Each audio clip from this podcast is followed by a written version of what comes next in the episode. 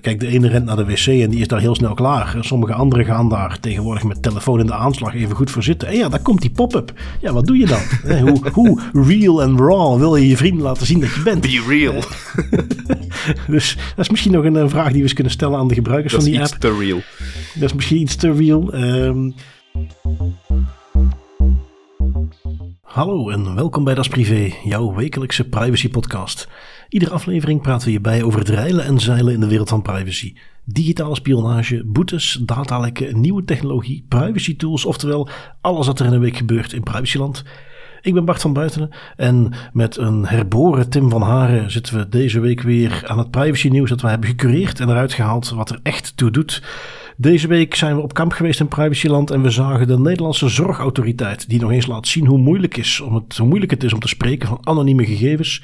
De ontslagen bij de GBA zijn dan toch eindelijk gevallen. David Stevens en Charlotte de Rep moeten vertrekken. En wat ruimte voor de vraag wie bewaakt de bewakers? De Europese Commissie wordt namelijk zelf aangeklaagd bij het Europees Hof voor inbreuk ten aanzien van de GDPR. Uiteraard, hoe kan het ook een keer ontbreken, nog wat nieuws over misbruik van toegang tot medische gegevens in een ziekenhuis. Een app voor echte vrienden. Al die zonder kassa's, maar met massa's camera, datalekken, boetes, oftewel een zeer goed gevulde show. Uh, Tim, ik denk dat wij ons niet druk hoeven te maken dat we er qua tijd niet gaan komen.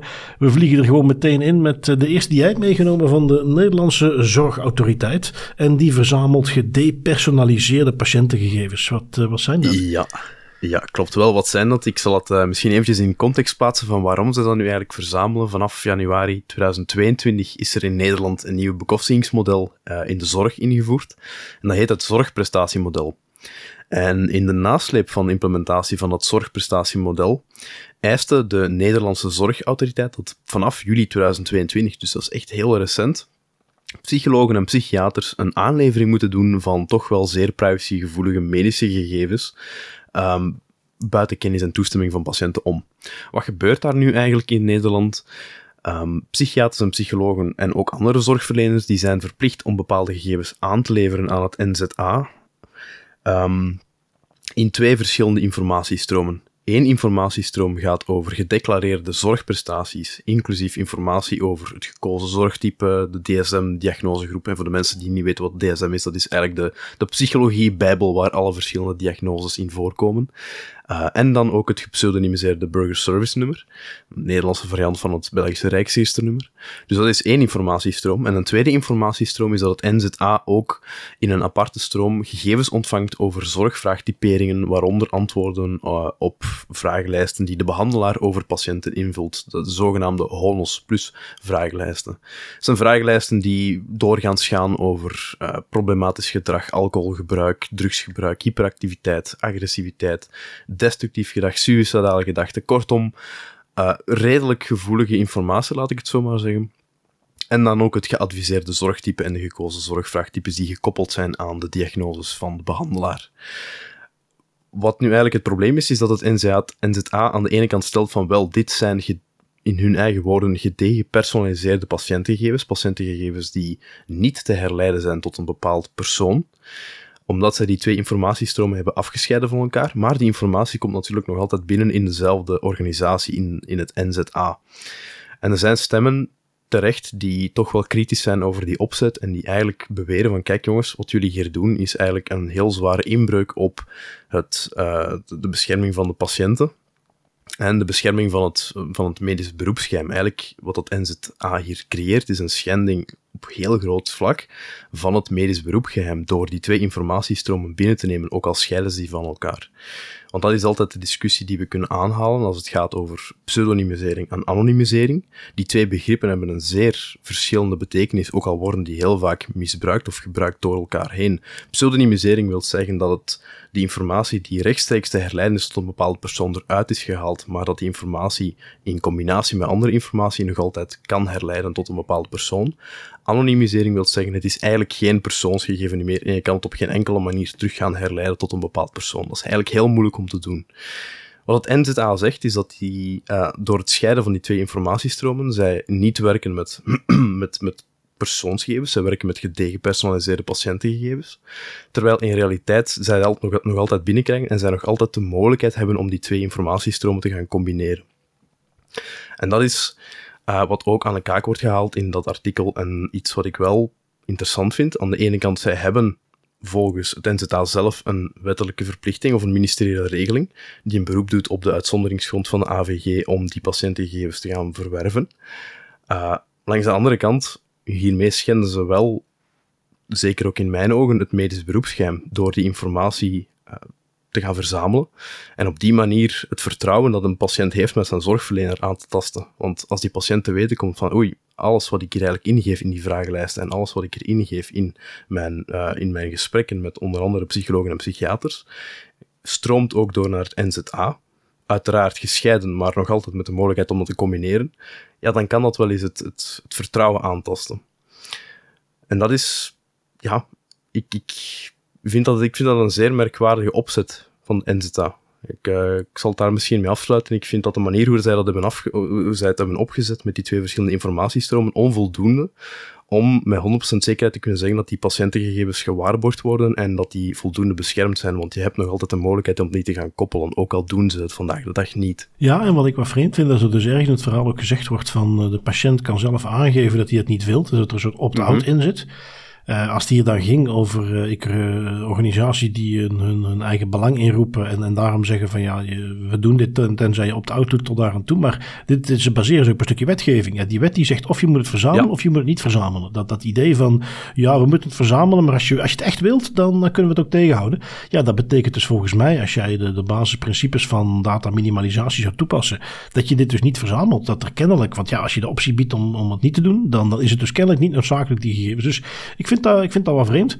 En, en dan zeker toch gelet op de gevoelige aard van die gegevens. Als het dat kennelijk niet noodzakelijk is, dan hoort de default optie toch gewoon te zijn: we sturen die gegevens niet door. Dat vind ik het vreemde.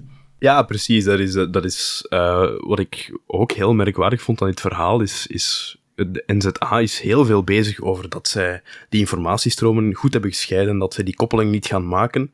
Uh, dat er inderdaad een mogelijkheid is voor patiënten om bezwaar te maken via het invullen van een privacyverklaring om dan te zeggen tegen hun zorgverlener van kijk jongens, ik wil niet dat jullie die gegevens, die vragenlijsten onder andere doorsturen naar het NZA.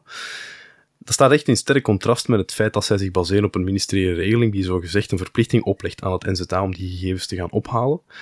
En um, maakt ook het hele argument wankel dat zij die persoonsgegevens nodig hebben om het zorgprestatiemodel in stand te houden. Ja, want uh, wat is het doellijn dat ze zelf aangeven? Wat geven ze nu zelf aan van nou, daarom hebben wij dit nodig?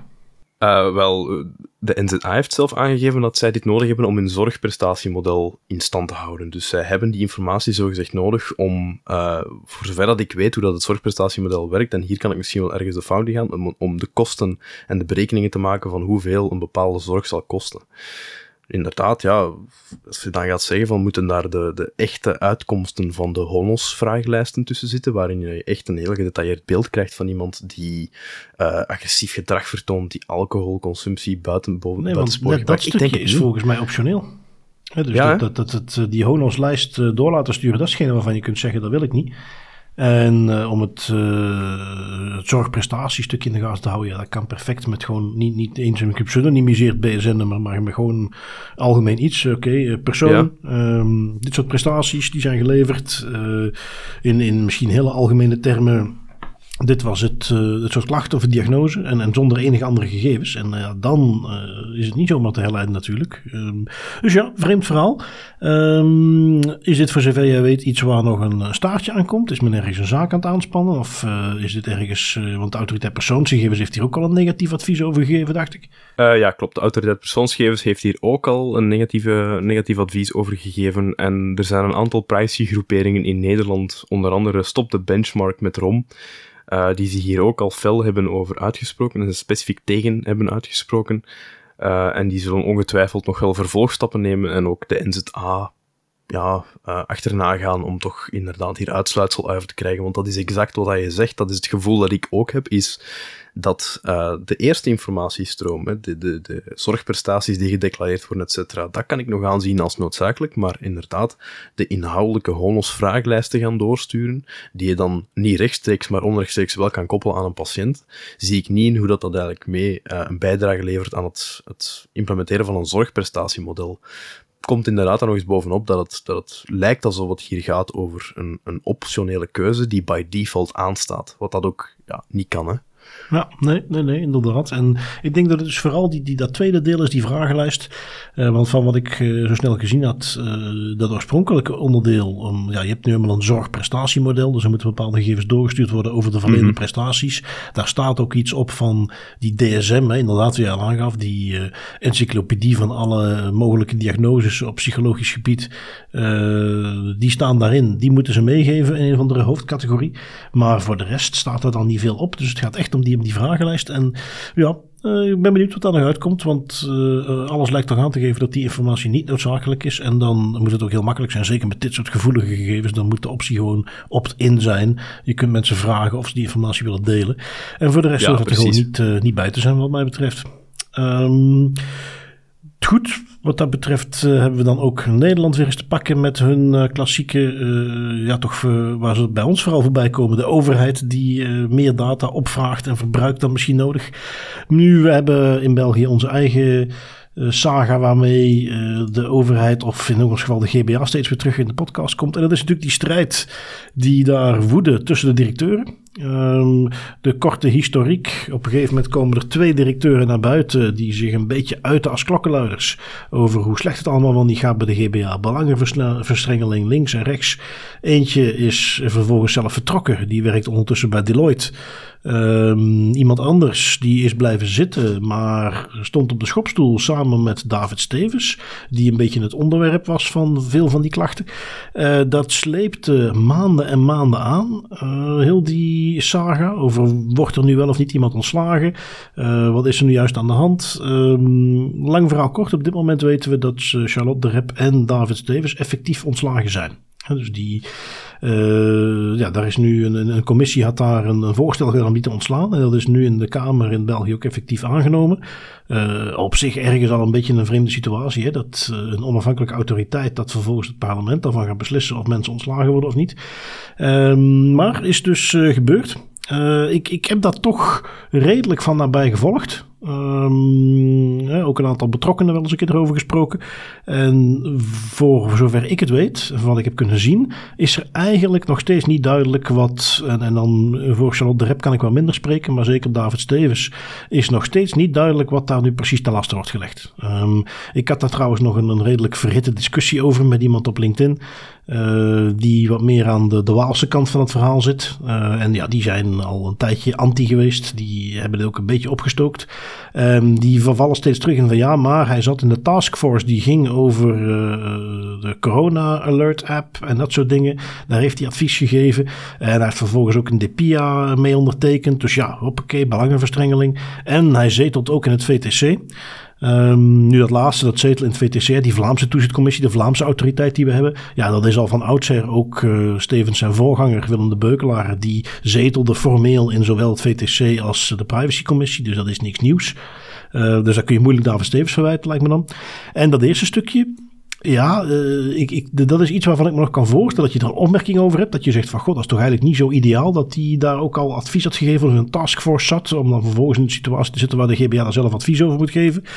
-hmm. Maar aan de ene kant, of aan de andere kant, uh, de, het adviesorgaan van de GBA, het kenniscentrum, ja, daar zit David Stevens niet in. En daarnaast, uh, zelfs al zou je het daar niet mee eens zijn hoe dat gelopen is, ja, dan, dan tik je hem daarvoor op de vingers en zeg je, foei David, daar had je niet in mogen zitten. Maar dat lijkt me geen grond om een directeur van een autoriteit, een onafhankelijke autoriteit te ontslaan. Dus ik blijf dat een heel erg vaag verhaal zitten. Het laatste wat ik er nog even aan toe wil voegen, voor ik benieuwd ben wat jij daarvan vindt, Tim, is dat de GBA zelf ook een artikel heeft gepubliceerd. De voorzitter van de Geschillenkamer heeft ook op LinkedIn een, een postje eraan gewijd. En ik proef daar toch uit dat ze zelf ook niet snappen wat er nu eigenlijk stevens te lasten wordt gelegd. En dat ze aangeven, we hopen dat ze hun ontslag gaan aanvechten want het klopt volgens ons niet. Ja, ja en dat is... Ik sta er denk ik iets verder vanaf. Dus mijn mening is iets, iets oppervlakkiger op dit vlak, zou ik zeggen. Maar wat ik daar wel inderdaad, vooral, ik heb dat artikel van de GBA ook gelezen, dat is iets dat heel hard terugkomt, is dat sentiment van, tenzij dat hier nu echt heel uh, snel duidelijkheid wordt gegeven over waarom dan zeker David Stevens mee ontslagen is, snappen wij, kunnen wij hier geen begrip voor opbrengen voor deze uitspraak. En dat is ook wel uh, het sentiment dat ik volg, is dat er, wordt, er werd heel vaak met de vinger gewezen naar David Stevens. En uh, zoals je zelf al aangaf, onder andere op die discussie op LinkedIn, zijn er misschien wel wat punten van kritiek, maar waren die punten van kritiek voldoende om te zeggen dat je die persoon moet gaan ontslagen? Absoluut niet. Dus er moet echt wel iets baanbrekends of iets wereldschokkends naar buiten komen, dat echt zegt, dat echt eigenlijk verantwoordt waarom die actie nu eigenlijk is, is uitgevoerd. Want zoals ik het nu zie, is dit uh, buitenproportioneel en komt het eigenlijk een beetje uit, uit een, een, een blinde hoek. Ik, ik volg niet zo heel goed waarom die beslissing is genomen op dit niveau. Nee, nee, nee, nee, nee, nee. Het heeft uh, alle schijn van een politiek steekspel en van frustraties. En ja, ja dat, dat, is ook wat uh, men vanuit de GBA zelf aangaf. Van ja, we vinden het ook wel zonde dat we dus nu weer gedecimeerd zijn. En het de komende periode onbepaalde tijd mhm. weer met drie directeurs in plaats van vijf moeten doen. Uh, dus ja, dat was, uh, ja, goh, uh, zoals ze het de laatste tijd al een beetje doen. Hè. Dus aan de ene kant heb je een autoriteit die toch stiekem nog best goed functioneert in hun toezichtstaken, maar waar aan de achtergrond van alles rommelt. ze hebben nu overigens wel de leden van het kenniscentrum weer aangevuld. Na het ontslag van, of het vertrek van Frank Robben moet ik zeggen. Um, en nog iemand anders was daar wat ruimte vrij. Nou, die twee mensen hebben ze nu weer ingevuld. Die zijn uh, gekozen. Um, goed om te zien trouwens dat een van de mensen die ze hebben verkozen uh, ook een DPO zelf is van een ziekenhuis. Um, dat vond ik dan toch wel eens leuk ergens jammer dat het wel weer iemand is met een juridische achtergrond. Ik had daar graag, zeker voor vervanging van Frank Robben, iemand gezien met een technische achtergrond. Maar goed, het zij zo. Uh, ik moet ook even full transparency. Ik had mezelf ook kandidaat gesteld. Ik heb natuurlijk iets meer die technische achtergrond. Uh, ik moet er ook meteen bij zeggen dat ik uh, ook niet had verwacht dat ik daar verkozen zou worden. Maar de uitslag was toch wel tekenend. de DPO met de juridische achtergrond, die, ja, goh, hoeveel stemmen had die? Ik weet het niet meer. Maar het was in ieder geval, ik had één stem, iemand anders had vier stemmen. Uh, nog iemand vier stemmen. En voor de rest waren alle stemmen naar die andere persoon gegaan. Dus uh, overduidelijk dat dat toch het profiel was waar ze naar op zoek waren. Uh, maar goed, die zijn dus weer aangevuld. Dus wat dat betreft is het kenniscentrum weer op sterkte. Maar ja, dan dus nu die saga met de directeurs. Waarbij, en overigens gun ik ze dat van harte, zo hoort het nu eenmaal. En, en, en ik zou dat in hun schoenen waarschijnlijk ook doen. Um, kunnen ze ontslag aanvechten. En dat betekent dat we natuurlijk weer voor een lange tijd vertrokken zijn. Want ik verwacht niet dat ze iemand anders gaan aanstellen als de uh, procedure rond het aanvechten van het ontslag nog loopt. Dus, uh, maar ja, dat even afwachten of ze daar zelf zin in hebben. Want ik kan me goed voorstellen, bijvoorbeeld in het geval van zo'n David Stevens, de, de, de, de oud-voorzitter, uh, die is, uh, ja, ik weet niet exact hoe lang het geduurd maar volgens mij is het bijna een jaar dat dit al boven zijn hoofd hangt. Uh, kan ik me ergens ook voorstellen dat hij denkt van, weet je wat, uh, zak allemaal maar in de stront. Ik heb het gehad, ik ga de ontslag niet eens aanvechten, dan is het maar zo. Um, zou ik me ook iets bij voor kunnen stellen. Maar goed, uh, ja, wat dat betreft even afwachten wat eruit komt. Maar ook mm -hmm. bij de GBA zelf, hè, die toch geen gebrek aan werklast hebben. dat is trouwens ook nog iets wat ik nog wel interessant vond in het artikeltje wat ze zelf publiceerden. Ze namen al een kleine voorzet op um, hun jaarverslag wat er in september aankomt. Dat is dan het jaarverslag 2021 natuurlijk. waarin ze aangeven dat op een heel aantal type dossiers hun werklast met 50 tot 100 procent is gestegen. En dan net in die context verliezen ze twee van de directeurs. Uh, als je dat allemaal met elkaar optelt, zou je bijna kunnen zeggen: het lijkt er wel op alsof de overheid uh, weinig zin heeft in een goed functionerende autoriteit. Oeh, oké, dan gaan we wel een klein beetje de conspiracy theorist. Hè? Want ik wou het inderdaad hier net niet zeggen, omdat het, uh, ja, kijk, ik, ik zeg het, ik, ben, ik heb een veel oppervlakkigere mening op dat vlak, omdat ik daar ook veel verder verwijderd van sta nog. En, maar het voelt, ik, ik kan bijna niet anders dan inderdaad ook meer leunen naar het idee dat dit um, politiek gegrond is, deze beslissing en dit ontslag. En dat er toch iets speelt dat, dat achter de scherm toch, toch voor bepaalde invloeden oh, ja. heeft gezorgd. Nee, nee, politiek ja, of men politiek er bewust een slechte autoriteit op na wilt ja. houden, dat geloof ik niet. Ja. Maar nee. um, zoals wel vaker in de politiek, ze hebben hun spelletjes, ze hebben hun rekeningen te vereffenen en alle collateral damage daaromheen interesseert ze helemaal niets. En dat is denk ik waar we hier dan uh, eerder mee te maken hebben. Precies. Maar goed, Um, als we het dan hebben over politiek konkelavoes en steekspelletjes, dan kunnen we ook even kijken naar de Europese Commissie. Want die worden dus zelf voor de rechter gesleept omdat ze de GDPR niet zouden naleven. Uh, wat voor iets heftigs heeft de Europese Commissie dan precies verkeerd gedaan, Tim? Ja, zij hebben de zonden der zonden in privacyland gepleegd. Namelijk het Schrems 2-arrest besmeurd. Wat, er eigenlijk, wat het hier eigenlijk aan de gang is, is um, er is een klacht neergelegd tegen de Europese Commissie, die nu bij het Europees Hof van Justitie ligt. Uh, omdat zij zogezegd de eigen gegevensbeschermingsregels zouden geschonden hebben. En dat gaat specifiek over een website van de Conference of the Future of Europe. Uh, een conferentie die wordt georganiseerd onder andere door de Europese Commissie. En uh, ja, drie keer raden wat dat daar fout liep. De web website hosting gebeurt op Amazon Web Services. Dus al die persoonsgegevens van gebruikers die zich inschrijven, uh, die de website bezoeken, uh, dat wordt allemaal netjes doorgegeven aan Amazon, een US cloud provider. Gezien het hele Schrems 2-arrest en de discussies die daar momenteel over woeden, is dat niet echt wenselijk. En als cherry on top uh, gebruikers kunnen ook inloggen via Facebook-accounts op die website. Diezelfde Facebook die momenteel door de Ierse autoriteiten mogelijk wordt verbannen als binnen een maand de lidstaten daar uh, ook een positief advies over geven. Nu wel een, een caveat, hè, toch wel iets interessants is de... Uh, of ik denk toch dat dat zo is. De GDPR is niet rechtstreeks van toepassing op de Europese instellingen. Er is een soortgelijke verordening die hen bindt aan bepaalde gegevensbeschermingsprincipes, die eigenlijk wel heel hard overeenkomt met, met de GDPR, maar die, uh, die toch nog bepaalde dingetjes oplegt. Um, en het interessante is van, ja, men verwacht eigenlijk dat de rechtszaak die momenteel gaande is tegen de Europese Commissie zo'n effect heeft dat het Schrems 2-arrest, dat eigenlijk enkel binnen het kader van de GDPR-wetgeving past, ook gaat uitbreiden naar de wetgeving voor die Europese instituten. Ja, ja, daar mag je rustig van uitgaan. Uh, er is inderdaad uh, een apart stukje wetgeving, net zoals de politiediensten trouwens. Als we het hebben over verwerkingen door politiediensten, is daar een richtlijn voor die dan weer is omgezet uh, nationaal in plaats van een verordening. Uh, voor de Europese instellingen is het ook gewoon een verordening. En die is echt, uh, om er iets op te plakken, 99% gewoon gelijkaardig aan uh, de GDPR die wij kennen.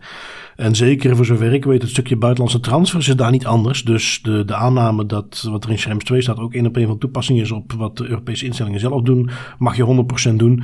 kijk ook maar naar wat de EDPS, de Europese autoriteit, dus voor die Europese instellingen, wat die ook al in andere zaken heeft gedaan. waar het Europees Parlement, die op een website dingen hadden die doorgestuurd werden naar uh, Cool Analytics. Dus nee, absoluut. En ja, ik heb wat gelezen van de mensen die deze zaak aanspannen. Die dus ook duidelijk aangeven van ja, wat voor praktisch effect deze, deze uitspraak precies heeft. Daar zijn we niet zozeer van naar op uit. Hè. Verbanning van de transfers of iets dergelijks. Of, of dat ze de website aanpassen. Uh, nuttig. Maar wij, zijn, wij, wij kijken vooral uit naar het precedent waar we hiermee scheppen. En, en, en het besef dat ook de Europese Commissie uh, daar dus inderdaad dezelfde problemen waar iedereen mee zit. Van ja, maar we moeten dan echt alles gaan nakijken. En we kunnen nergens meer op vertrouwen. Inderdaad, dat is wat hier nu nodig is. Waarbij dan eh, een kleine organisatie nog mag zeggen: voor ons is dat veel te complex uh, om het allemaal te gaan doen. Uh, wie weet waar het allemaal mm zit. waar je ook niet mee wegkomt. Maar voor een organisatie zoals de Europese Commissie, ja, die hebben middelen, tijd en mensen genoeg om dat dus wel op de goede manier te doen. En dat is ook wat er van ze gevraagd wordt hier. Ja, precies. En dat is uh, denk ik ook niet meer dan normaal dat de Europese Commissie, het Europees Parlement en al die andere Europese instituten ook accountable worden gehouden. Uh, en dan mag dat wel eens, mag dat wel eens zijn via een, een interessante rechtszaak. Dat kan wel eens tellen. Ja, inderdaad.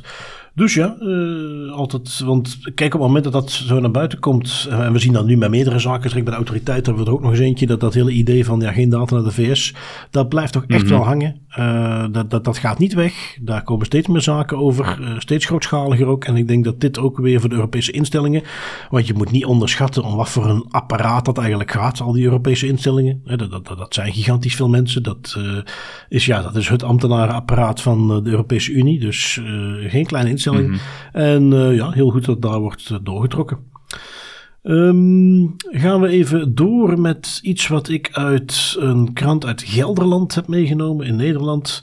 Um, iemand die kennelijk vond dat het internet nog niet genoeg aanbod aan porno heeft. En die is eventjes zijn smaak ergens anders moest gaan halen. En je kunt het je haast niet voorstellen, want ja, het internet is het internet.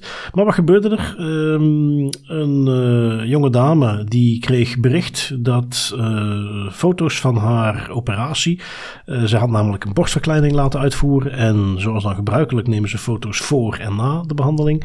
die zitten natuurlijk ook in het dossier. Ja, er zijn veel meer vrouwen die een soortgelijke behandeling laten uitvoeren. En zoals het ziekenhuis zelf aangaf, een routinecontrole bracht aan het licht dat een medewerker die foto's had zitten bekijken. Niet alleen die van haar, maar van uh, nog 163 andere dossiers. Dus er waren in totaal 164 onterechte raadplegingen die waren uitgevoerd.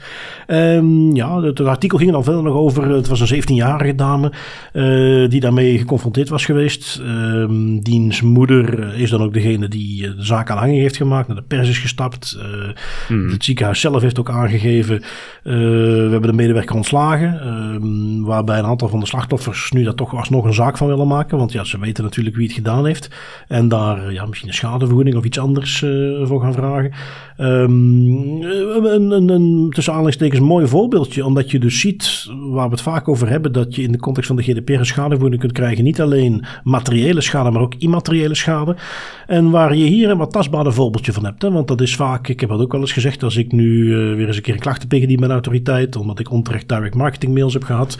Dat is iets waar ik dan graag een punt van maak. Maar als ik nu moet gaan zeggen uh, hoeveel meer dan mijn professionele trots is hier gekrenkt, ja, niet heel veel. Dus ga dat eens in bedragen uitdrukken. Maar hier heb je het over een, een 17-jarige meid die uh, natuurlijk al, al heel gevoelige operatie heeft laten uitvoeren. En die dus nu met het onbehagen zit dat er iemand, wie weet wat hij daarmee heeft gedaan, of die die beelden heeft gefotografeerd zelf en nog eens gaat verspreiden. Um, dat heeft bekeken. Dat is, dat, ik kan me echt wel voorstellen dat het een aanslag is op de, het mentaal welzijn van uh, die jonge dame. Dus uh, een voorbeeldje van hoe dat soort misbruik van gegevens en die immateriële schade echt wel bestaat. Hè, dat dat niet zomaar iets is waar je maar gewoon even overheen moet zetten. Dit heeft echt impact gehad. Eén um, kanttekening die ik er nog bij wilde maken, omdat ik dat, dat wel wat opvallend vond. Het ziekenhuis gaf dus aan van ja, wij zijn hierachter gekomen bij het uitvoeren van een routinecontrole.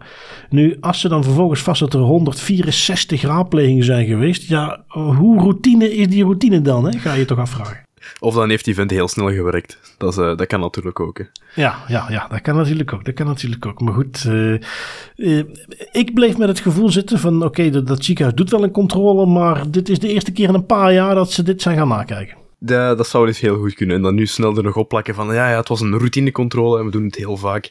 Dat is natuurlijk mooi meegenomen bij zoiets. Ik denk dat het... Um, er zijn twee aspecten die hier nog interessant zijn om te benoemen. Eerst en vooral, ja, inderdaad, hè, het, het, het mentaal welzijn van, van zo'n slachtoffer kan echt wel aangetast worden door zo'n daad. En ook um, bovenop het mentaal welzijn, ook het vertrouwen in een, een zorgapparaat of in een zorginstelling kan hierdoor extreem aangetast worden. Hè. Als jij als je, dat kan een heel traumatische ervaring opleveren als je weet van, oké, okay, de volgende keer dat ik een ziekenhuis instap, wat gaat er dan gebeuren met mijn data?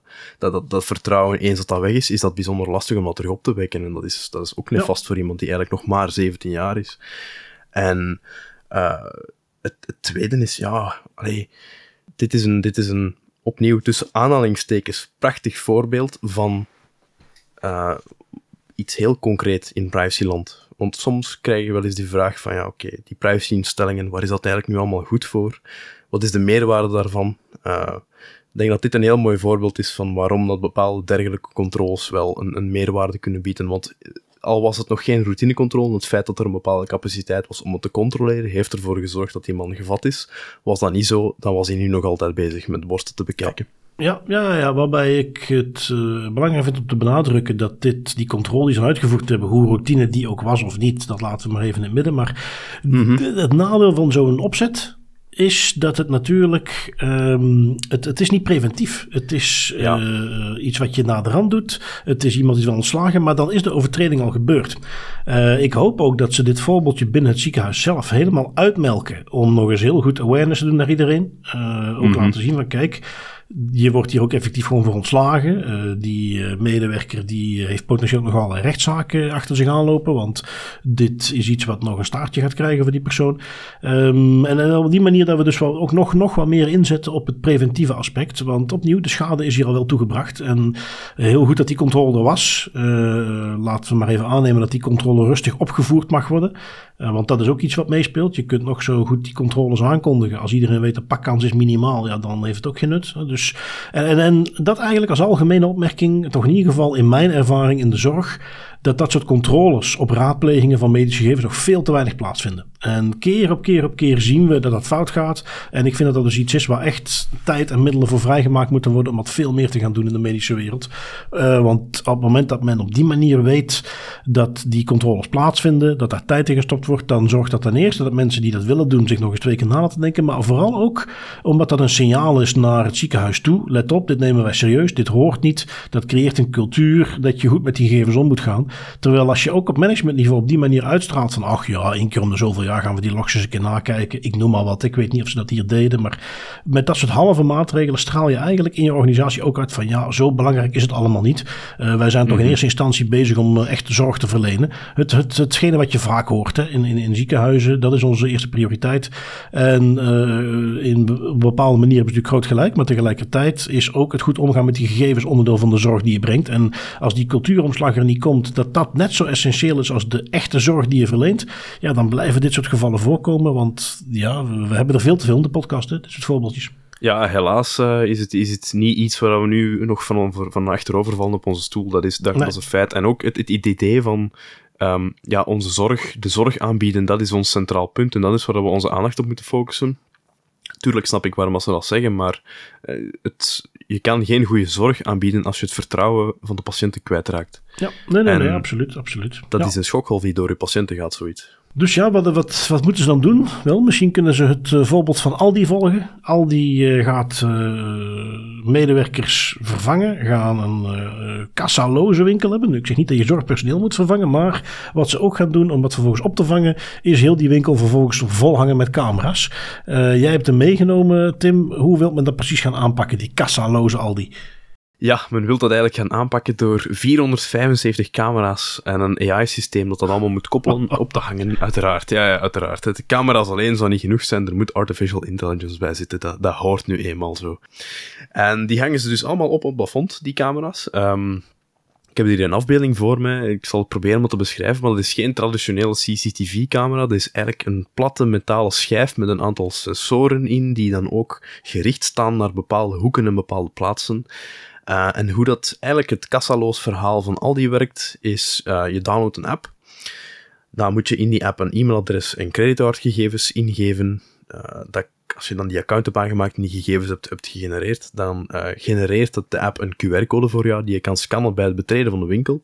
Die 475 camera's die volgen dan elke beweging die je maakt in de winkel en de producten die je neemt. Uh, heel dat systeem is AI-driven en heeft een rechtstreekse link met weegschalen op de rekken, um, die ook registreren wat je eraf neemt zodat er een soort van dubbele check ontstaat. Als jij bijvoorbeeld een pak melk uit rij A pakt, dan gaat die weegschaal uit rij A ook natuurlijk nog eens aangeven aan die artificial intelligence. Hier is een pak melk weg. En dan creëer je eigenlijk een soort van feedback systeem het hele systeem moet jou dus moet jouw bewegingen volgen, moet volgen welke producten jij neemt uit de rekken, om dan dat bij het verlaten van de winkel automatisch af te rekenen van de creditcard die is gekoppeld aan jouw account als jij met een QR-code je, uh, je aan het poortje scant om terug buiten te kunnen wandelen. Ik stel me daar een aantal vragen bij, want ik ben, ik ben heel benieuwd naar die technologie en helaas is Aldi daar niet altijd transparant in geweest, maar wat mij nog niet helemaal duidelijk is in dit systeem is hoe dat die 475 camera's en de artificial intelligence die er aanhangt, klanten onderscheidt van elkaar. Stel dat jij en ik, Bart, wij allebei naast elkaar staan uh, bij de rij met, met pakken melk.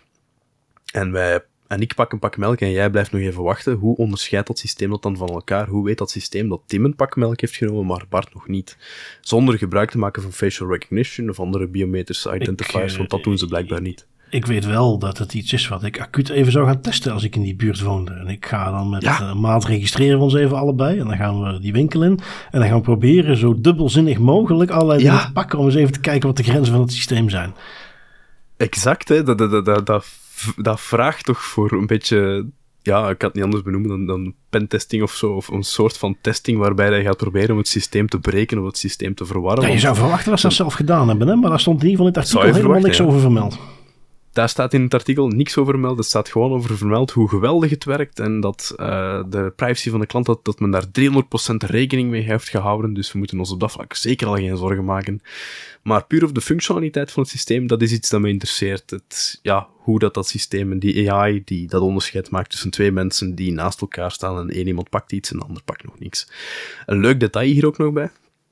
Um, al die baseert zich voor al die verwerkingen van persoonsgegevens als grondslag op het uitvoeren van een overeenkomst. Uh, dat is een van de verschillende rechtsgronden vanuit de GDPR-wetgeving.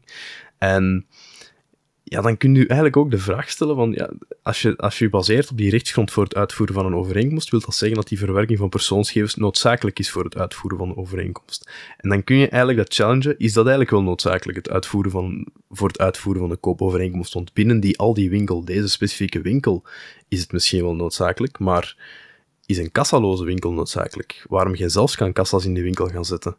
Dus er zijn, denk ik, bepaalde manieren om dat idee te gaan challengen van dat zich baseert op de uitvoering van een koopovereenkomst. Um, wat dat ik toch wel ook een interessante notie vind om mee te nemen. Maar opnieuw, het is een van de zoveel kassaloze systemen die we om de zoveel maanden eens kunnen meenemen op deze podcast. En benieuwd wat hiervan gaat komen nu. Laat, laat ik eens even advocaat van de duivel spelen. Jij, loopt daar rond. Uh, het idee is dan, je hebt uh, het appje gedownload, uh, je hebt je creditcard gekoppeld. bij binnenkomst scan je de QR-code, dus het systeem begint te lopen. Je loopt rond, je pakt je spulletjes, je scant de QR-code bij het naar buiten gaan en alles wordt automatisch afgerekend. In de tussentijd ben je dus door 400 nog wat camera's gescand. Um, ik ga er ook wel vanuit dat dat misschien ook niet allemaal camera's zijn, maar dat daar ook een stukje RFID-dingen in zitten. Dat er in die winkel. Eh, Mogelijk. Dat zou ik, eigenlijk zou ik dat verwachten, want ik kan me haast niet voorstellen dat die camera's zo goed getraind kunnen zijn en, en op zoveel manieren allemaal in de gaten kunnen, dat die echt kunnen zien wat jij pakt. Maar goed, Allah, uh, dat, dat is iets waar we misschien nog wel meer details over krijgen, want ik vind het wel erg interessant. In ieder geval, ik loop naar buiten, die gegevens worden meteen gewist. Dik zit het artikel ik weet niet of ik daar nu per se zoveel meer moeite mee zou hebben um, dan uh, een andere manier. Uh, vooral dus vanwege het feit dat al die gegevens meteen verwijderd worden. Even dagen later, dus de twijfels die je kunt hebben over hoe goed werkt dit systeem. Uh, want als die gegevens weggegooid worden, ja, dan heb je daar ook geen pot meer op te staan om dat nog eens na te gaan kijken. Dus meteen krijg je het idee van, goh, gooi ze wel alles weg. Want als ik eventjes daarvoor een paar honderd euro besluit te gaan shoppen en vervolgens betwist ik dat ja, waar sta je dan als Aldi als je op geen enkele manier kunt aantonen? ja, ja, precies. Er zijn zo... Wat dat ze zeggen en wat, dat ze, wat dat ze voorstellen en de technologie vind ik in, in theorie eigenlijk wel heel mooi. En op zich zou je hier kunnen zeggen van eigenlijk is dit geen grotere privacy schending dan dat iemand uh, van achter aan de kassa ziet dat je van alles en nog wat koopt. Want dat is dan ook weer al iemand die ziet wat je koopt. Maar dan zijn er inderdaad, als je, als je door begint te vragen, zijn er toch wel een aantal pitfalls waar Aldi in het artikel geen antwoord op heeft gegeven. En wie weet kunnen we die vragen stellen. Hè? Dat zou misschien wel interessant zijn om daar eens wat ja, na te gaan. Ja, inderdaad, inderdaad. Het is een technologie die blijft terugkomen in, de, in het nu bijna twee jaar dat we het doen. De DPIA die ze daarvoor hebben uitgevoerd, dat lijkt me interessant uh, leesvoer. Ja. Nu, ontwikkelingen staan niet stil. We hebben dus de kassaloze winkels die eraan komen. Uh, waarbij we dan in een Belgische context zien dat sommige gemeentes daar dan extra belasting voor gaan heffen. Hè, zoals we in Brussel hebben gezien bij die uh, variant ja, van de Deleuze. Puur alleen omdat je dan zogenaamde werkgelegenheid in gedrang brengt. Maar goed, dat is buiten de privacy context. Maar er ontwikkelt van alles. Uh, we kennen allemaal Instagram. We kennen allemaal de andere ja, hoe moet ik het zeggen, happy peppy social media apps. Uh, het hangt een beetje van je gebruik af natuurlijk. Ik gebruik Twitter en LinkedIn toch echt louter voor mijn professionele activiteiten, alles rond privacy. Je zult mij dan nooit iets op zien posten van uh, hoe ik vanmiddag lekker in het zonnetje met een cocktailtje in mijn lichtstoeltje zat. Dat is iets waar ik zeer op prijs stel, maar wat ik voor de rest met niemand hoef te delen. Um, maar dat is natuurlijk wel hoe op Instagram, vooral denk ik dat medium, er heel veel voorbij komt. En je wordt daar dan vaak, hoor je de kritiek voorbij komen van ja, iedereen zet daar alleen maar de zonnigste kant van zijn leven op. Uh, iedereen mm -hmm. lijkt daar een fantastisch leven te hebben, maar als je die mensen dan kent, dan weet je wat voor shit er eigenlijk allemaal gebeurt in hun leven. En dan heb je toch, uh, als je die foto's bekijkt, heb je daar toch de nodige twijfels over. Er is een app die daar een antwoord op biedt. Um, Tim, wat denk jij ervan als jij binnen nu en, nou, laten we zeggen, een half uurtje ineens een pop-up krijgt Stuur binnen nu en twee minuten een foto naar je vrienden over wat je op dit moment aan het doen bent. En dat zo een paar keer per dag. Uh, dat zo iedere dag van de week. Um, wat denk je daarvan? Lijkt je dan een, een, een leuk idee? uh, ja, ik ga heel eerlijk zijn. Ik denk dat dat, dat dat dikke onzin is. En dat je wel betere dingen te doen hebt dan je daarmee bezig te houden. Ja, uh, je, je, kent de app volgens mij een beetje trouwens. Hè? Je, je, ja. Heb je hem al eens gebruikt? Uh, ik heb hem zelf nog niet gebruikt. Er zijn wel mensen in mijn directe omgeving die um, er bijna religieus gebruiken, ik zal het zo zeggen. En ik heb, het, ik heb het hele concept erachter heel grappig gevonden altijd, want het hele idee achter Be Real is ja, je, je, een, een heat-of-the-moment picture, hè, zonder alle poses en filters en inderdaad niet de happy-peppy, maar gewoon waar sta jij op dit moment en wat ben jij aan het doen. En ik heb nooit dat concept in de praktijk uh, vorm zien krijgen. Wat ik heb gezien is dat mensen inderdaad een ping krijgen om een foto te trekken nu, mm -hmm. op een here and now moment ongefilterd en dan alsnog zich in allemaal verschillende bochten en poses beginnen te wringen om toch maar de juiste angle te hebben en de beste plek voor een bepaalde, bepaalde afbeelding te maken. Dus het valt in dezelfde pitfalls als social media. Al mensen trekken die foto en gaan dan alsnog de hele realiteit verbloemen. Ja, ja want, want de app heet dan Be Real. En uh, het, concept wat ik net beschreef aan jou, ja, dat is dus effectief hoe die app werkt. Je installeert hem, uh, je koppelt dat met een aantal vrienden en dan op enig moment krijg je zo'n pop-up. Het idee is inderdaad, zo verkopen ze het ook zelf. Uh, de, de, slogan is Your Friends for Real. a new and unique way to discover who your friends really are in their daily life. Um, waarbij ik meteen bij moet zeggen, als dat dan de manier is hoe je je vrienden leert kennen, ik mag toch hopen dat je ja. die al wel kent voordat je die hebt installeert. Spreek dan gewoon een beetje meer af als je zo geïnteresseerd bent in hun leven, ja, in plaats van foto's ja, te vragen.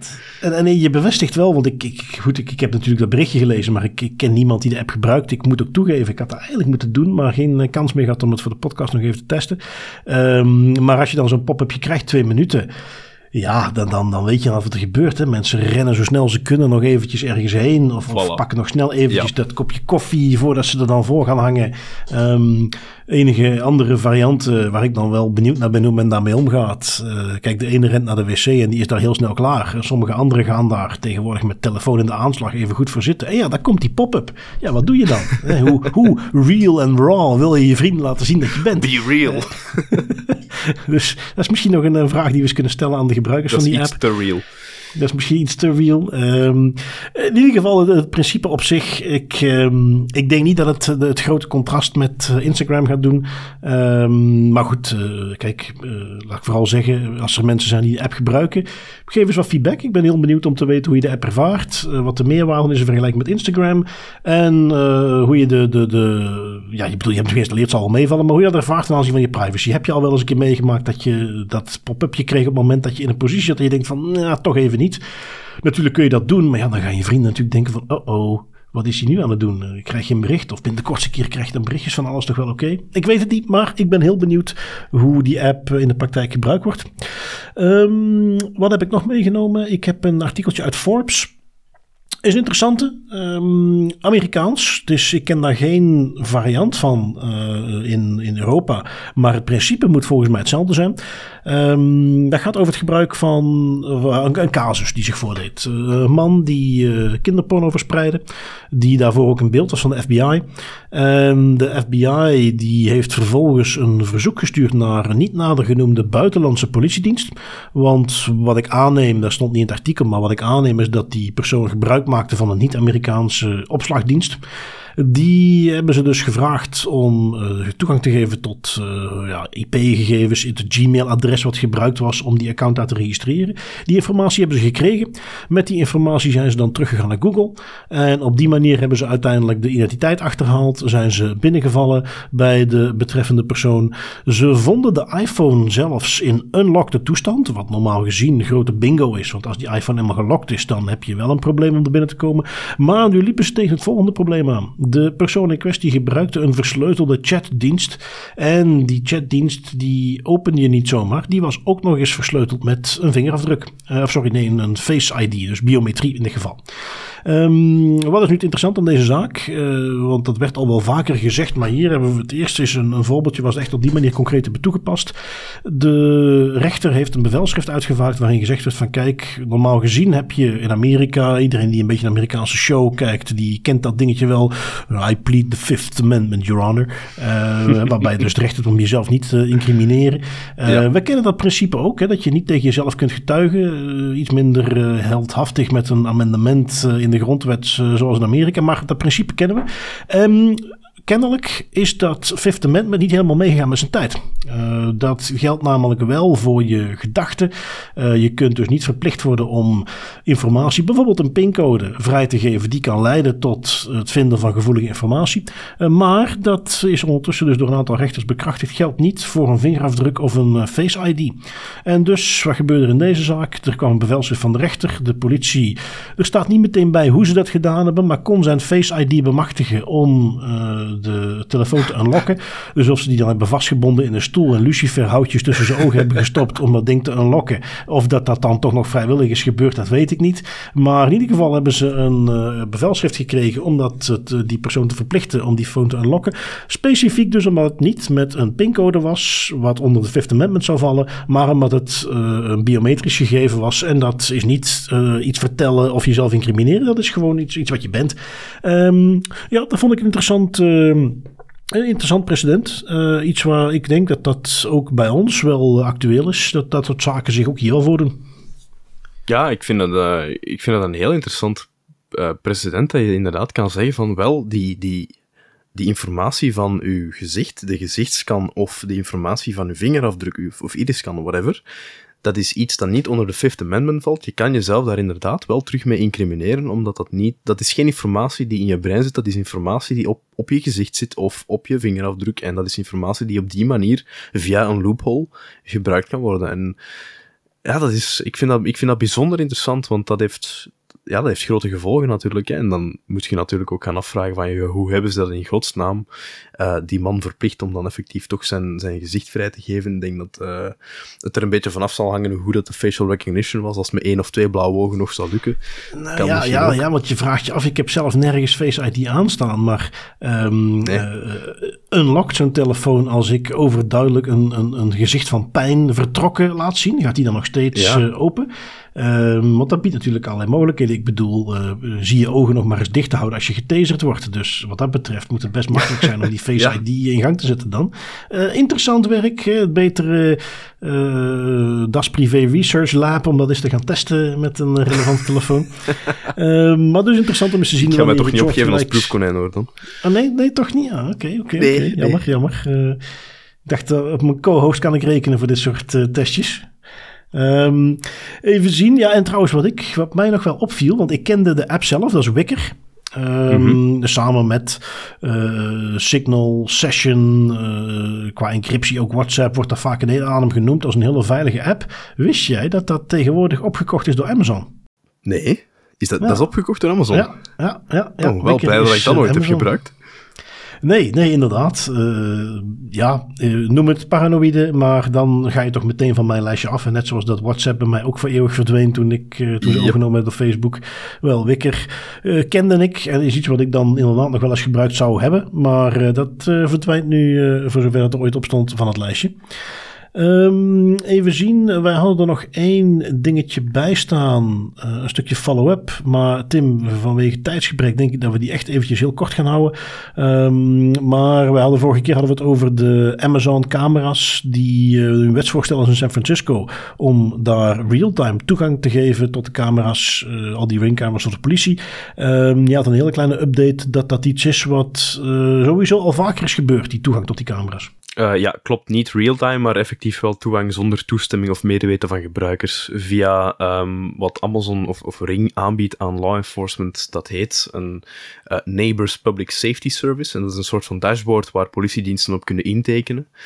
Um, en daarom kunnen zij eigenlijk informatie opvragen of videobeelden. En dat is elf keer al gebeurd dat er audio- en videobeelden van ringdeurbelcamera's zijn gedeeld met de Amerikaanse politie zonder toestemming of informering van de gebruikers. Mm. Uh, om maar te zeggen eigenlijk van ja, kijk, ze zijn nu bezig met wetgevingen die dat allemaal willen, willen stroomlijnen naar een systeem waarbij dat de politie daar altijd live aan kan. Maar eigenlijk achter de schermen proberen ze al heel veel en lukt het ook. Ja, ja. Waarbij natuurlijk dat, dat retroactief, als je weet dat er iets gebeurd is, nog iets anders is wanneer je denkt van, oh, er zou wel eens iets kunnen gebeuren. Maar goed, uh, ja we zullen zien wat er met dat voorstel verder nog gebeurt. Um, we hebben een paar datalekjes die we nog even meenemen. Um, je hebt er eentje meegenomen die we eigenlijk meestal laten liggen. Omdat het, de, de, de, hoeveel crypto exchanges worden er wel niet gehackt. En dan is er weer eens iemand, ik weet niet hoeveel bitcoin of ether of, of ethereum heet het geloof ik. Of welke andere stable of shitcoin we het ook over hebben. Weer heel veel geld kwijt. Um, is er iets wat dit datalek anders maakte? Uh, ja, wat dit dadelijk interessant maakte is, het is Shift Crypto, dat is een Zwitserse crypto-wallet fabrikant, en die heeft haar gebruikers gewaarschuwd voor een datalek waarbij e-mail, naam of alias en het IP-adres zijn gelekt. En ze waarschuwen ook meteen voor het feit dat er al actief phishing aanvallen gebeuren met de data die gelekt is. Wat het hier, ja, het is bijna klassiek aan het worden bij die crypto-wallets of bij die crypto-fabrikanten is, dit lek ontstond voor de zoveelste keer door een gecompromitteerde account van een marketing tool. In dit geval Active Campaign, daardoor werd die informatie gelekt. Ja, um, wat hier nog, wat, wat nog wel interessant aan is, is een ongeautoriseerde partij had toegang gekregen tot een account, uh, waar onder andere ook two-factor authentication op aanwezig was, wat heel sterk doet vermoeden dat hier toch wel iets van een insider threat was, of dat er hier sim-swapping aan de gang was. Want dat is heel vaak wat wij zeggen, hè. zet op zijn minst uw two-factor authentication aan als het gaat over accounts die zo'n downloadrechten hebben, of direct ja, toegang tot die persoonsgegevens, maar dat was hier ook het geval. Ja, ja, ja, als wij uh, mensen hebben, luisteraars die bezig zijn in de crypto, uh, gelieve toch gewoon eventjes al het gebruik van je subcontractors, marketing tools, uh, waar al je e-mailadressen in zitten, even na te gaan. Want je bent een prime target kennelijk, als we die datalek de laatste tijd voorbij zien komen. Um, Twitter had ook een datalekje. Ik heb hem van restoreprivacy.com. Um, ehm, 5,4 miljoen gebruikers uh, die gebruik maken van de Android-app. Dit was kennelijk een kwetsbaarheid die specifiek zich in de Android-app voordeed. Ook hier e-mailadres en telefoonnummer, want dat gebruik je voor two-factor authentication, uh, wat ontvreemd is. Um, hieraan was nog dat het uh, een kwetsbaarheid is die in januari al gemeld was. Um, waar Twitter destijds wel iets mee gedaan had. Uh, ik geloof dat degene die het gemeld had daar 5000 dollar voor had gekregen. Maar waar dus nu toch een dataset is opgedoken waar men van die kwetsbaarheid gebruik maakte. Um, daar zit natuurlijk een hele markt achter uh, voor het opkopen van dat soort gegevens. Want je hebt vooral ook mensen, ja, bekendheden die men dan kan gaan targeten.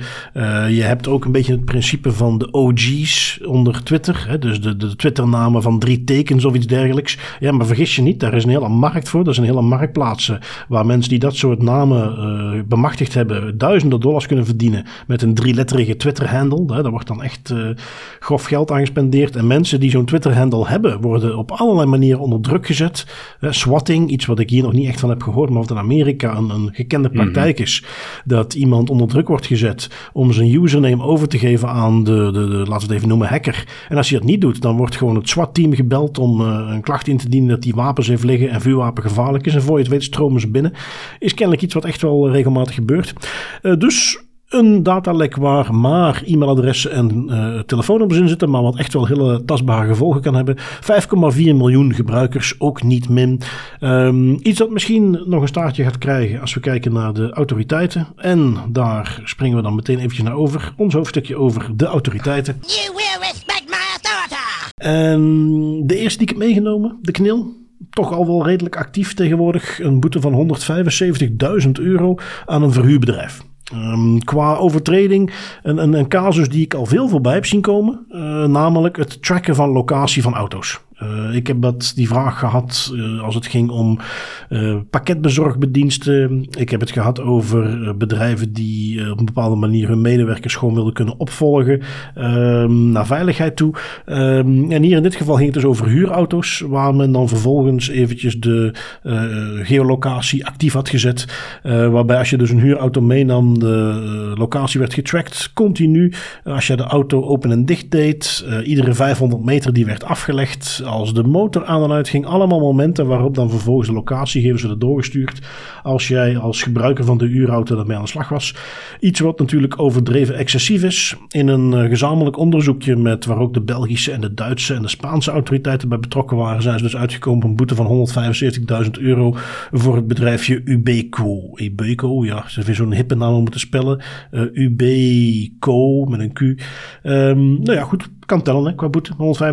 175.000. Ja, ik kan zeker tellen. En uh, ik vind dat heel, heel, leuk om te zien. We zien dat vaker en vaker bij uh, uitspraken van autoriteiten, dat er gretig wordt samengewerkt tussen die autoriteiten. Wat dat in het ja. begin van de GDPR, helemaal in het begin van het tijdperk, nog niet echt het geval was. Zien we dan nu dat die shift wel gebeurt, dat men meer gaat samenwerken.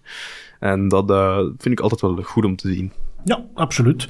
Is ook iets waar ze heel nadrukkelijk hebben gezegd: dit jaar, daar gaan we een strategisch punt van maken. En uh, is ook een van de grootste punten van kritiek. Uh, het gebrek aan die samenwerking. Dus inderdaad heel goed mm om te zien dat ze dat nu uh, serieus aanpakken. En het dan ook een beetje vooruit gaat als dat gebeurt. Um, we gaan een beetje de grenzen over. Jij uh, hebt wat buiten Europa gekeken. En uh, ja, zoals men wellicht nog weet, in China is er ondertussen sinds november vorig jaar ook een nieuwe privacywetgeving. En als ik me niet vergis, heb jij een voorbeeldje meegenomen van een boete die in die context is opgelegd aan een bedrijf. Ja, ja en het is, uh, het is niet zomaar een boete. Het is de allereerste boete van de Chinese Privacy and Security waakhond, de Cyberspace Administration of China, of de CAC voor kort. Oh, eigenlijk wel een coole naam, hè. En uh, het is een monsterboete. Het is de, ze zijn er serieus, ze hebben de deur volledig ingetrapt en de, de gevels zijn gewoon meegegaan. 1,16 miljard euro boete, omgerekend. Um, plus persoonlijke aansprakelijkheid voor senior management voor privacy en security overtredingen in China. Dat kan toch best wel tellen, hè? Dus 1,16 miljard euro boete. En de CEO en de president van het bedrijf krijgen beiden ook een persoonlijke boete van 145.000 euro. Daar kunnen wij in Europa eigenlijk nog wel iets van leren. Wat was er nu eigenlijk gebeurd? Uh, de Cyberspace Administration of China heeft die monsterboete opgelegd aan DD Global. Dat is een, een ride-sharing service. Uh, voor het overtreden van een heleboel wetgevingen: de Network Security Law, de Data Security Law en de Personal Information Protection Law, die privacywetgeving die inderdaad sinds november van kracht is. Een greep uit de voorbeelden van de zaken die Didi Global fout deed. Um, zij hebben illegaal 11 miljoen, ruim geschat, pak 12 miljoen om af te ronden, eh, 12 miljoen uh, screenshots genomen van gebruikers hun, hun fotoalbums. Um, zij hebben 8,3 miljard stukjes informatie van gebruikers hun clipboard, dus zaken die je copy-paste en die dan blijven staan op je clipboard van je device, hebben zij geëxfiltreerd. Zij hebben uh, facial recognition informatie van miljoenen mensen hun, hun gsm's geëxfiltreerd. Uh, allee, noem maar op. Het gaat eigenlijk Didi Global heeft heel veel informatie van mensen hun personal device of bij het gebruik van de applicatie geëxfiltreerd en gebruikt voor andere doeleinden. En dat, is, dat was zeer invasief. Uh, zo invasief dat de, de CAC dus een, een gigantische boete heeft opgelegd aan het bedrijf en de CEO en de president persoonlijk aansprakelijk heeft gesteld. Ja, dat is iets wat uh, destijds al werd aangekondigd toen die nieuwe wetgeving er kwam. Van hey, let op, hier zien we iets heel interessants. Iets wat we in de GDPR niet hebben gezien. Is die persoonlijke aansprakelijkheid. Dat, dat het dus echt rechtstreeks uh, de directie aansprakelijk gesteld kan worden. En hier zie je dus een voorbeeldje van hoe ze dat ook echt doen.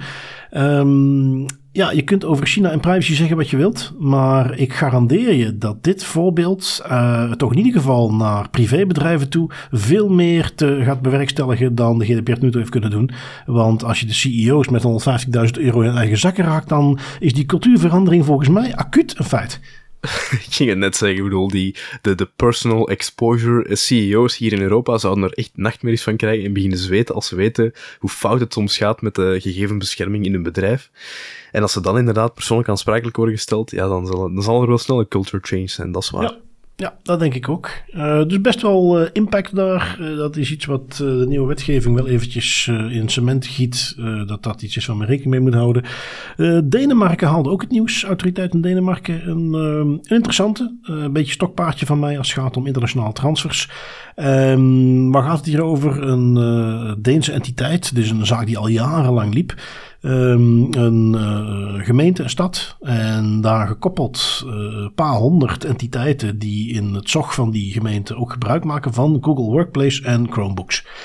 Die zaak liep dus al een tijdje. Um, er was al een uitspraak van de autoriteit die zei van ja, kijk, de, de, manier hoe jullie Google Workplace gebruiken, de Chromebooks gebruiken, de data die daar verzameld wordt, het feit dat die doorgestuurd wordt naar Amerika, dat is niet compliant. Daar moet je iets mee gaan doen. Ze zijn risicoanalyses gaan doen. En nu recent is dan gepubliceerd eh, wat de uitkomst daarvan was um, vanuit die uh, organisatie zelf. En de autoriteit heeft dat beoordeeld en heeft ja, samengevat, hè, want ik vat nu even alles nuances behoorlijk mm -hmm. samen, maar het komt er gewoon op neer dat ze voor al die organisaties gezegd hebben. Wij zeggen dat Chromebooks en Google Workspace op dit moment niet gebruikt kunnen worden, want dat is niet GDPR compliant. En ja, daar zitten ze dan. al die scholen overgeschakeld op Google en Chromebooks en ze moeten dat nu binnen zes maanden in orde hebben. daar is gewoon een ban op die verwerking. Die kan ook tellen, denk ik dan.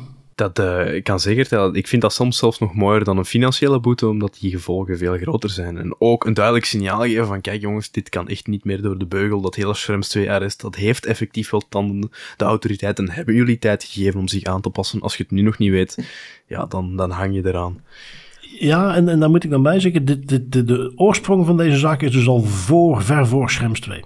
Uh, oh, oké. Dus ook, uh, ook, de aspecten dat, dat Google daar gegevens uit verzamelt, als ze hun diensten verbeteren met de gegevens die ze verzamelen, terwijl ze die eigenlijk helemaal niet horen te verzamelen. Allemaal dingen die daar al in meetelden.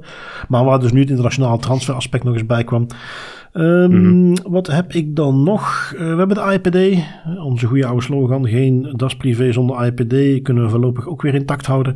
Yes. Um, en, en, en waarom ik deze interessant vind, is omdat ze weer zich richt op een individu. Eh, we hebben het al vaker gehad over dat dat naar awareness toe en naar iets tastbaars voor de burger uh, best wel nut heeft. Dat men daar af en toe een individu uitpakt. Uh, dit individu heeft een boete van 5000 euro gekregen. En opnieuw, dat zou op mijn spaarcentje toch ook een flinke aanslag zijn. Dus iets waar je als individu zeker niet blij van wordt.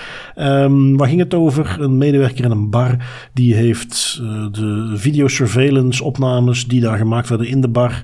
Die heeft hij vervolgens opgenomen zijn telefoon. Heeft hij naar de bekeken. Heeft hij dus opgenomen. Is die gaan verspreiden via WhatsApp en andere social media kanalen. Uh, uiteraard zonder enige wettige basis. Um, heeft dat zelf volledig vrijwillig gedaan. En heeft hij dus bewust te verspreiden. En dat is iets wat de IPD een boete van 5000 euro waardig vond.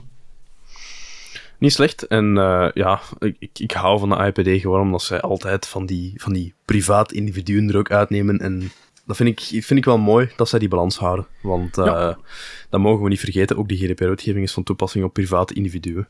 Ja, ja, ja absoluut. absoluut. Dat, dat maakt het wat tastbaarder. Vind ik ook altijd een nuttig precedent. Klopt. Um, goed, dat brengt ons bij onze privacy pointers. Ik heb een simpele meegenomen, al in die is al een beetje gekend bij onze luisteraars, maar hij is wel aangepast en vertaald naar het Engels. En ik heb het over onze Das Privé Business Tooltip. Met andere woorden, de lange lijst die wij hadden met typische alternatieven voor de grote Amerikaanse dienst. En dat varieert van SurveyMonkey tot Mailchimp, tot de grote cloud providers, tot maildiensten. Nou ja, alles wat je in een bedrijf een beetje doet, want daar is het op gericht. We hebben ook zo'n lijst voor individuen Maar dit is iets wat ik echt opgesteld had voor ondernemingen. Uh, wat ook een beetje ingaat op die uitspraak van het Europees Hof na Schrems 2. Um, die lijst hebben we nu eens geüpdate. Want we hebben de laatste maanden nog steeds tooltips meegenomen die ik niet meer in de lijst had gezet. Dus dat is nog eens geüpdate. Ik heb er ook een paar uitgehaald. Um, en ik heb hem dus ook vertaald naar het Engels. En dat blijkt toch wel iets te zijn waar men behoorlijk op zat te wachten. Dat is iets wat toch wel enige populariteit uh, heeft gekregen. Dat is zelfs met aardig wat afstand in, in een paar dagen onze best bezochte webpagina op de site ooit. dus uh, nuttig. En ja, voor iedereen die, die uh, ook misschien ook al vergeten was dat wij die lijst hadden. Maar dus als je eraan tegenaan loopt dat je zo'n Amerikaanse tool tegenkomt. Of dat je zo'n typische big tech tool tegenkomt die mogelijk gegevens doorstuurt. En je wilt er eigenlijk vanaf. Onze lijst is weer eens geüpdate en nu ook in het Engels beschikbaar. Mocht je die willen doorsturen naar collega's in Wallonië of, of van mijn part elders in Europa, is dus nu beschikbaar in het Engels. Um, ja, al zeg ik het zelf, uh, best wel een nuttige tool. Haal ik ook uit de feedback die ik erop krijg. Dus is er eentje die we ook weer gewoon gaan uh, bijhouden. dat is mijn privacy pointer deze week. Dat is een hele mooie privacy pointer. wat ik daar ook nog bij wil zeggen is, ik, ik denk dat we, ik hoop dat eigenlijk wel, dat we daar heel veel DPO's of, of mensen die actief zijn in het privacywerkveld echt wel mee kunnen helpen. Want een vraag die je heel vaak krijgt als je kritiek begint te uiten op het gebruik van Amerikaanse tools is altijd hetzelfde. Er zijn geen alternatieven. En als je dan die, die toch wel nu ondertussen een lange lijst bekijkt van alternatieven, dan zijn er genoeg alternatieven. Het is vaak gewoon een kwestie van awareness. Ja, ja, ja, ik had er ook wel ingezet. Uh, er is eentje die ik gewoon uh, om punt te maken wel zo lang heb gehouden. Maar als jij nu nadenkt over een nieuw start-up ideetje. En je denkt, weet je wat, ik ga een alternatief maken voor Google Analytics. Doe het niet. Want die zijn niet meer te tellen. ik, ik overdrijf niet. Ook na publiceren ik nog door een paar organisaties benaderd. Die zeggen, hé, hey, wij hebben ook iets. Uh, dat is na die uitspraak is dat echt hot and happening. En, en ik heb er volgens mij al een stuk of zes, zeven in het lijstje staan. En er zijn er minstens drie, vier keer zoveel. Um, dus Dus ja, dat is nou eens eentje waar het uh, antwoord van ja, maar er is een alternatief, dat dat toch echt moeilijk pakt. Maar waar ook veel te veel organisaties, uh, wat je ziet er de boven het bos niet meer erop gesprongen zijn. Uh, gelukkig, nou, ik moet eigenlijk zeggen jammer genoeg, want er zijn een paar andere categorieën waar ik toch behoorlijk moet zoeken om iets mm -hmm. erin te kunnen zetten. maar waar ik ook wel merk, door de vele reacties op die post die we nu gedaan hebben, dat, dat, dat die wel bestaan. Maar dat die vaak naar marketingbudget of bekendheid gewoon minder gekend zijn. Um, ik heb volgende week ook een paar calls met een paar organisaties die mij gecontacteerd hadden. Uh, want zoals je weet, we kunnen geen uh, exhaustief fantastisch onderzoek doen, uh, audits uit gaan voeren bij al die bedrijven. Maar we doen wel een minimaal aan double check dat iedereen die op die lijst komt, dat we daar ook echt wel vastgesteld hebben wie ze gebruiken als partners. Dat ze niet gewoon zeggen we zijn een Europese tool, maar vervolgens hun eigen dingen ook weer gewoon hosten op Azure of Amazon. Dat checken we echt wel. Dus een paar calls om wat na te lopen en dan krijg ik als het goed is weer een paar tools erbij om op de lijst te zetten.